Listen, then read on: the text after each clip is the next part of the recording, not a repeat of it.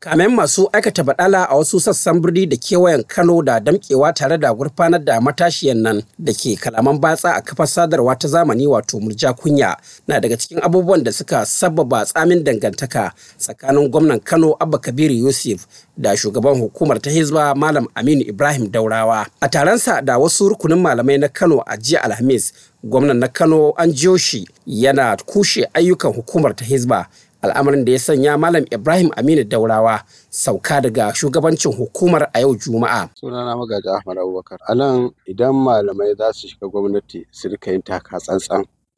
Idan duk abin da zai shiga zai zubar da kiman malamai komai duk san da kake da kake wa mutum kana malami gara ka haƙura ka riƙa yin nasiha.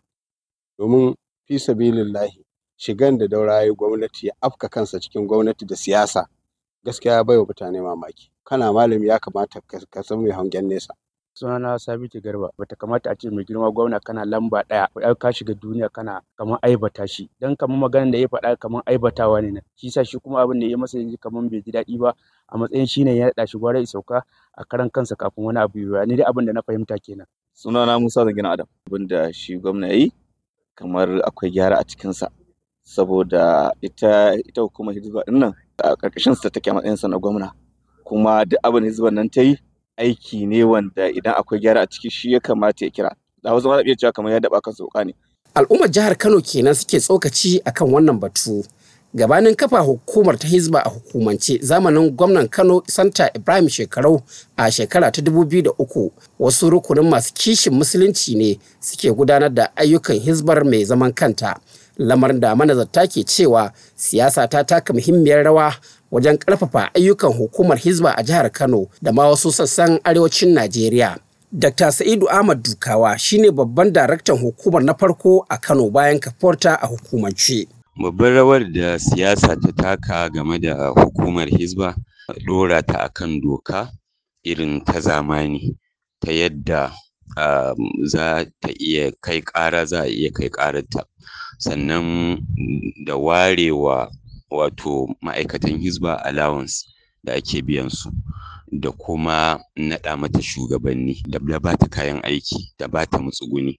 Duk wannan ya daɗa inganta yanda ya kamata aikin hizbar ya zama ya kasance. Sai dai a yayin da ake samun rashin jituwa ta fuskar gudanar da aikace-aikacen hukumar hizba a tsakanin shugabannin siyasa da jagororin hukumar wasu malamai a Kano na bayyana fargaba game da makomar ayyukan hukumar.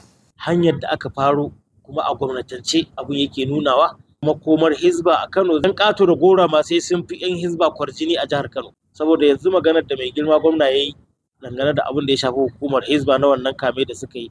To fa ya fa saki abin nan ne maciji ne a cikin ciyawa. Saboda me? Saboda duk yanzu masu badala hizba fa ba za ta kwarjini a wajen su ba. Abin da kawai za su gano shine cewa ai tunda gwamna yana tare da su so da bai kamata ya bi wannan usulumin ba. Kuma in ya bi ma to su kuma waɗanda suke masu shedanci shi ma sai juyo kansu.